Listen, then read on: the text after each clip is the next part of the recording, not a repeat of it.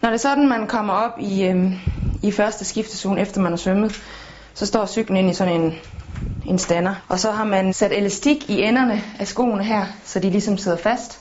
Så når jeg så tager min cykel, så sidder den fast herop. Så når jeg så begynder at løbe min cykel, så bliver den selvfølgelig stående.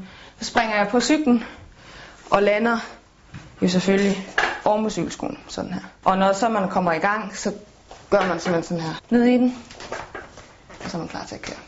Når vi så øh, er færdige med vores 40 km, så øh, skal man så hoppe af cyklen igen, og lidt før man skal hoppe af cyklen, så lukker man op, kommer ud af sine sko, fødderne ovenpå, og så hopper man ellers bare af cyklen og begynder at løbe med cyklen i bare tær. Så kommer man hen til sin plads igen, stiller cyklen ind, kommer hen til sine sko, på dem,